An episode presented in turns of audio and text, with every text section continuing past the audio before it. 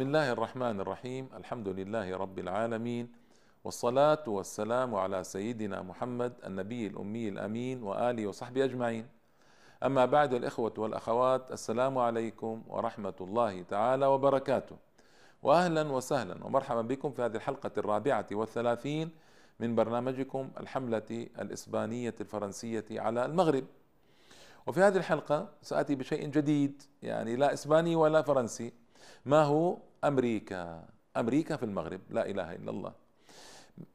أمريكا تكاد تكون احتلت المغرب وفرضت على فرنسا فرضا هذا الاحتلال. وأمريكا إلى الحرب العالمية الثانية كانت تعيش في عزلة. كان هنالك كتلة ضخمة في أمريكا تنادي بالعزلة. وأنا نحن محاطون بمحيطين عظيمين وأرضنا فيها كل شيء. لا نحتاج إلى شيء من الخارج آه، فيها النفط وفيها الغاز وفيها المعادن وفيها الزراعة وفيها الثروات الفلاحية وفيها الثروات المعدنية وفيها الصناعة وفيها كل شيء. ما نحتاج شيء من شيئا من الخارج. وروزفلت كان القائد الأمريكي المحبوب الذي انتخب عكس القانون الامريكي أربع مرات انتخب روزفلت ومات في الرابعة. الشعب الامريكي كان يحبه جدا. وأمريكا جرت جرا إلى الدخول في الحرب العالمية الثانية بسبب اعتداء اليابان على بيرل هاربر وهذه القصة لا أريدها الآن. لكن ما علاقة أمريكا بفرنسا وما علاقتها بالمغرب؟ الحرب العالمية الثانية رأت أمريكا أن تتدخل تدخلا مباشرا لقيادة الحلفاء ضد بلاد المحور يعني ضد ألمانيا وإيطاليا. فأمريكا قادت المعركة فعليا وتدخلت فيها ورأت أن تبدأ من بلاد المغرب كيف حدث هذا؟ الفرنسيون طبعا تلقوا هزيمة قاسية في أوائل الحرب العالمية الثانية من قبل الألمان وسيطر النازيون على آه، كثير من مناطق أوروبا ودخلوا باريس يعني وسيطروا على مناطق في إفريقيا وشمال إفريقيا وجنوب شرق آسيا هنا أسرعت أمريكا بالتدخل طبعا لحماية حلفائها وما كان يمكن يعني أن تتركهم. وأعلن ميثاق اسمه ميثاق الأطلسي سنة 1361 14 أغسطس سنة 1941 بين رئيس وزراء بريطانيا وينستون تشرشل ورئيس الولايات المتحدة فرانكلين روزفلت. كان إلى ذلك الوقت بريطانيا أكبر دول العالم وأقوى دول العالم لكنها يعني مع الحرب العالمية الثانية تضمحل قوتها إلى أن حلت أمريكا مكانها. وكان المسؤولون المغاربة يرون في أمريكا تلك القوة الناشئة فأرادوا أن يولوا وجوههم إليها ويستعينوا بها لعلهم يفلحون في شيء. مع أن حصلت استغاثات من قبل أظن السلطان الحسن أظن فيما أذكر الآن سلطان الحسن استغاث بأمريكا ضد الألاعيب الإسبانية الفرنسية المشتركة واعتذر الأمريكان ما ما أجابوه إلى طلبه. المهم آه، حصل لقاء بين السلطان محمد بن يوسف المشهور بمحمد الخامس وهو جد الملك الحالي محمد السادس. حصل لقاء في سنة 1363 للهجرة 23 يناير 1943 بين السلطان محمد بن يوسف أو مشهور محمد الخامس والرئيس الأمريكي روزفلت. وعبر محمد الخامس عن رغبته في تغيير الأوضاع في المغرب عقب نهاية الحرب. وكانت الرياح آنذاك بدأت تميل نحو الحلفاء. وعلله روزفلت بالأماني وأقام له عشاء فخما وحرم المقيم أو الحاكم العام الفرنسي من حضوره وتعجب وأرسل الحاكم العام الفرنسي احتجاجا إلى الدبلوماسيين الأمريكيين فردوا عليه بصورة عجيبة. قالوا نحن من الآن فصاعدا نسيطر على المغرب ولا علاقة لكم أنتم بالمغرب. إلى هذا الحد. القوة منطق القوة هو الذي يتحكم ويتكلم. وحصلت عملية إنزال القوات الأمريكية على الأراضي المغربية. سميت بعملية الشعلة. وذلك سنة 1362 للميلاد آه، للهجرة يعني 1942 للميلاد شهر نوفمبر. وهذا آه، الإنزال كان بعد أن تحقق روزفلت أنه لا بد من آه، تحرك كبير في شمال إفريقيا من أجل إيقاف الألمان. و ورأوا أن الأجدر روزفلت وتشرشل أن الأجدر الإنزال في منطقة البحر الأبيض المتوسط. آه، أمريكا أصرت على الإنزال في المغرب وتشرشل كان يريد البعد عن المغرب آه، إلى منطقة في البحر الأبيض المتوسط يعني آه، تكون بين يعني تونس وكذا تونس والجزائر. هنا طبعا اختلف الأمريكان والإنجليز. الأمريكان أصروا الإنزال في المغرب من أجل حماية جبل طارق الذي كان تحت حكم الإنجليز يعني. وقالوا إن الألمان إذا احتلوا جبل طارق فإن الأمر سيكون فادح الثمن جدا. فلا بد من إنزال في المغرب حتى نكون قريبين من جبل طارق. وفعلا نجح الطرف الأمريكي لأن الطرف الأمريكي كان هو المسيطر وهو الأقوى في الحقيقة. في نهاية الحرب العالمية الثانية أمريكا برزت كقوة عالمية ضخمة جدا آنذاك. اتفقوا على إنزال القوات الحلفاء في الشواطئ المغربية والجزائرية وأطلقوا عليه اسم الشعله والدار البيضاء تكون قاعدة أمريكية تحت قيادة الجنرال باتون وجنرال فلاند ليندل آه، آه، قائد القوات الانجلو امريكيه يعني الإنجليزية والأمريكية يكون قائدا في وهران. طيب؟ وتحت مراقبة بريطانية. أما الجزائر العاصمة فكانت تحت قيادة الجنرال الأمريكي رايدر. يعني ترون ان فرنسا لا قيمة لها اطلاقا انتهت. سبحان الله. بعد أن هزمت الحرب العالمية الثانية. وبعض الفرنسيون رأوا أن سحب البساط من تحت ارجلهم طبعا وتقليص فرنسا كقوة عظمى لتحل محلها أمريكا. لهذا قاوموا تدخل وكان المقيم العام الفرنسي اسمه نوكيس. آه تلقى أوامر من جنرال دارلان الذي كان مقيما في الجزائر بمقاومة الإنزال الأمريكي. ودخلوا في حرب فعلية ثلاثة أيام مع أمريكا وتوقفت بأمر الجنرال نفسه في الجزائر واستسلموا للجنرال الأمريكي آه، الذي أتم عملية الإنزال في المغرب. وانتهى الأمر بعزل نوكيس هذا من منصبه وفر إلى البرتغال بعد ذلك. الجيش الأمريكي وصل في سنة 1362 1942 الميلاد إلى 65 ألف شخص في المغرب. جيش احتل المغرب يعني عمليا. وتركز أساسا في الدار البيضاء ومراكش وأغادير. هاي ثلاثة مدن تركز فيها. وطبعا آه، أرسلوا للمغاربة منشورات توزع عليهم بالطائرات. اسمعوا ماذا فيها ذكرتني تماما بمنشورات نابليون. نابليون لما جاء إلى مصر أرسل مرسوما منشورا من الباخرة أني أنا أؤمن بالله وأنا مسلم وأنا جئت لنصرتكم من المماليك الظلمة. اسمعوا المنشور الأمريكي. الحمد لله وحده الرحمن الرحيم. أنتم يا أبناء المغرب فليبارككم الله. ها قد أتى هذا اليوم العظيم لكم ولنا جميعا. نحن من نحب الحرية. نحن الأمريكان مقاتلو الحرب المقدسة. جئنا إلى هنا لكي نخوض الجهاد الأكبر من أجل الحرية. لقد جئنا لنحرركم. أيوة. عبرنا المحيطات لنصل إليكم. فلترحبوا جميعا بإخوانكم. انظروا إلى الملق والنفاق. ولترحب نساؤكم برجالنا بالزغاريد. نحن لا نشبه أولئك النصارى الذين عاهدتموهم. والذين يدوسون عليكم بالأقدام. اعتبروا جنودنا إخوة لكم. إنهم مجاهدون أبرار مستعدون لأداء واجبهم. ساعدوننا لأننا قدمنا لمساعدتكم. انظروا إلى الخطاب العجيب. آه لا إله إلا الله.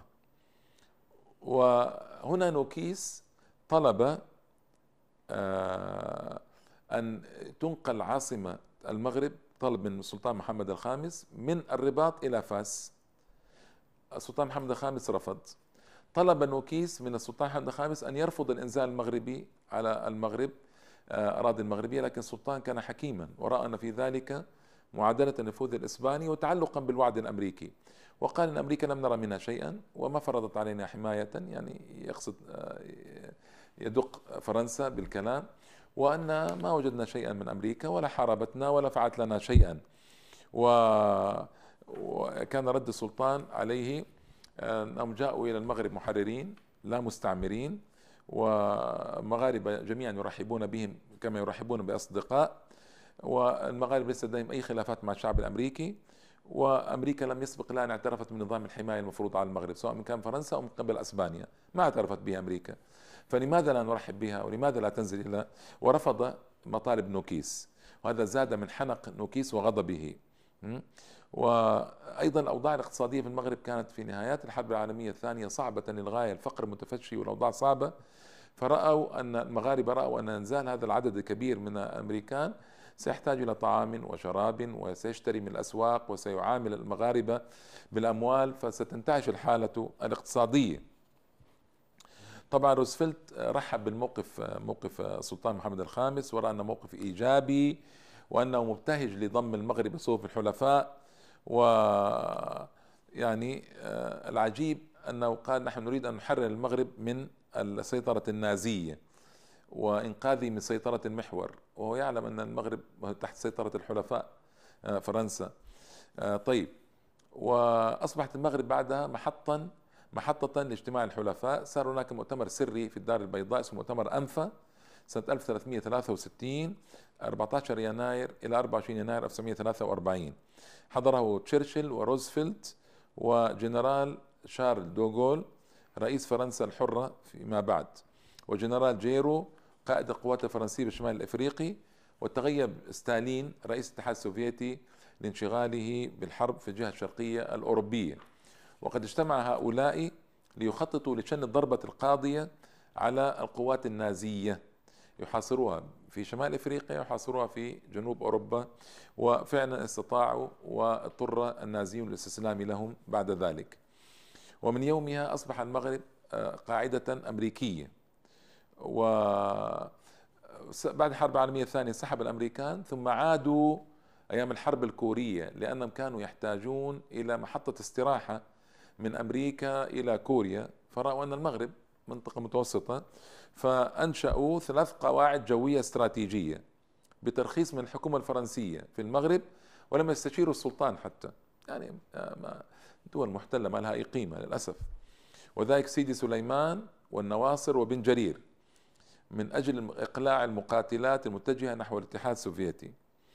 واستكملت بناء قواعد في عام 1373 هجرة 1953 وفرانكو دعا أمريكا لتنشئ أيضا قواعد في إسبانيا لأن المغرب كان محتدما ومضطربا آنذاك مطالبا بالاستقلال. و... وكان عندهم قاعدة أيضا في القنيطرة. ولا يعني آه، وجود أمريكي كثيف حقيقة. وظلت القوات الأمريكية في المغرب إلى سنة 1379 للهجرة 1959 للميلاد.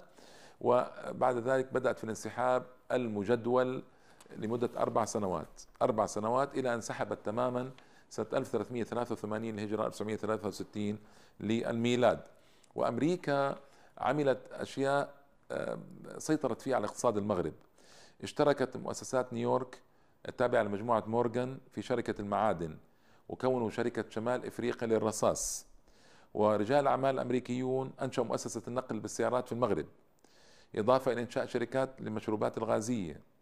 وبيع المنتجات الأمريكية واستفاد الأمريكيون من المعاهدات السابقة لتطوير التجارة الأمريكية في المغرب خاصة معاهدة الجزيرة الخضراء. ذكرت لكم 1906 1324 التي بعدها فتحت أسواق المغرب أمام الأوروبيين والغرب عموما. وطبعا آه، جيش خمسة وستون ألفا ينزلون إلى المغرب ماذا تتوقعون؟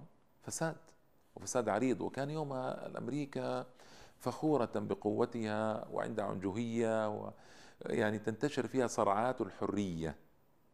الحرية بذات الحرية الجنسية ويعني البهيمية إن كان صح التعبير والبحث عن اللذائذ وكذا. حصلت أمور يعني ما أستطيع أن أقولها الآن يعني للأسف الشديد في المغرب. لكن فساد خلقي عريض. وسأرجئ الحديث عنه إن شاء الله تعالى في حلقة خاصة بالآثار ال ال الاحتلال احتلال المغرب آثار الفساد الخلقي في المغرب. لكن آه، هناك كتاب آه، مهم اسمه تاريخ التعذيب. آه، نشرته دار الجندي للنشر في دمشق عام 1418 1998 أذاعوا الأمريكان في أوساط الشباب مفردات الجنس الأمريكية الهجينة. وانتشر العزل الوقائي واصطدمت الخلاعة الفاضحة بالتقاليد المحافظة. وأيضا استغلوا الفقر في المغرب. وأيضا آه، حاول المغاربة أن ينتقموا من هؤلاء الجنود الذين آه، يعني نشروا الموبقات في المغرب. فكان يعني منظر جندي أمريكي المقيد المقتول. الذي رمي في الميناء شيئا طبيعيا كرد فعل المغاربة على هذا الذي يجري. وطبعا حصل أشياء هكذا خلقية أصبح يعني استغلال استغلال جنسي من قبل 65 ألف جندي نزل إلى المغرب. ما يستطيع أن يقف في وجههم أحد ولا يستطيع أن يوقفهم أحد. حتى فرنسا عجزت عنهم. ماذا يفعل المغاربة أمامهم؟ وأيضا في الدار البيضاء تصوروا بتلك الوقت ذلك الوقت المبكر سنة 1364 للهجرة كان ثلث القوات العاملة في الدار البيضاء من النساء بسبب الفقر المتفشي جدا آنذاك. ويعملن بأجور متدنية جدا. وكانت خمسة عشر ألف امرأة خمسة عشرة ألف امرأة تعمل خادمة في بيوت الأوروبيين في الدار البيضاء. يعني لأن الوجود الأمريكي كان كثيفا كما قلت لكم في الدار البيضاء وفي مراكش وفي أغادير فاستغلوا الحاجة. وهؤلاء طبعا يعني أنتم تعلمون آه، شيء اسمه الانفجار أو الثورة الجنسية الانفجار الجنسي الذي حصل في الغرب. الغرب ما كان هكذا يا الإخوة والأخوات. يعني الغرب على أنه لا يملك الدين ولا يملك ما يسمى بالقيم يعني الأخلاق والضوابط الشرعية لتصرفاته بطبيعة الحال لأنهم يعني منذ الثورة الفرنسية الكبرى كفروا بالدين وكفروا بالإله وأظهروا إلحادهم في كثير من مناطق الغرب وتفشى فيهم الفساد و... لكن ليس كما هو الآن ليس كما هو الآن. يعني النساء كنا يلبسن لباسا محتشما إلى أول القرن الماضي بل إلى ثلث القرن الماضي بل إلى قرابة نصف القرن الماضي. لباسا محتشما و يعني كان هناك نوع من المحافظة بالذات في أمريكا وفي بريطانيا محافظة. لكن بعد ذلك جرت ما يسمى بالثورة الجنسية والثورة ثورة الحرية في أمريكا وفي فرنسا وفي عدد كبير من بلاد الغرب. فحصل ما مقدمات ما نراه اليوم من الفساد العظيم والإباحية المطلقة طبعا هذا أثر على المناطق التي احتلوها. فأثر على مثل المغرب والجزائر وتونس التي كانت قد تعرضت لاحتلال طويل.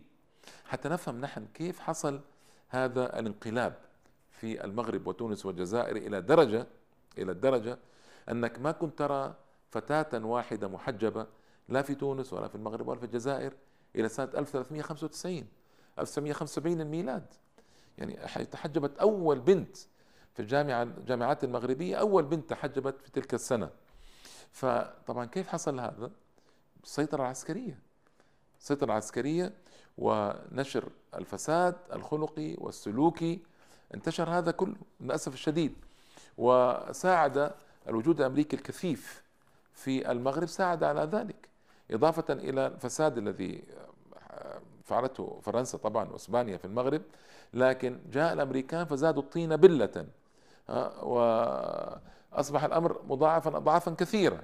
لما يمتاز أو ما يمتاز يتميز به الأمريكان من الهمجية في التصرفات والهمجية في الأخلاق والاندفاع بدون ضوابط والحيوانية والجنسية صح التعبير. فأدى هذا إلى فساد عريض. هذا مجمل وملخص لوضع أمريكا في المغرب.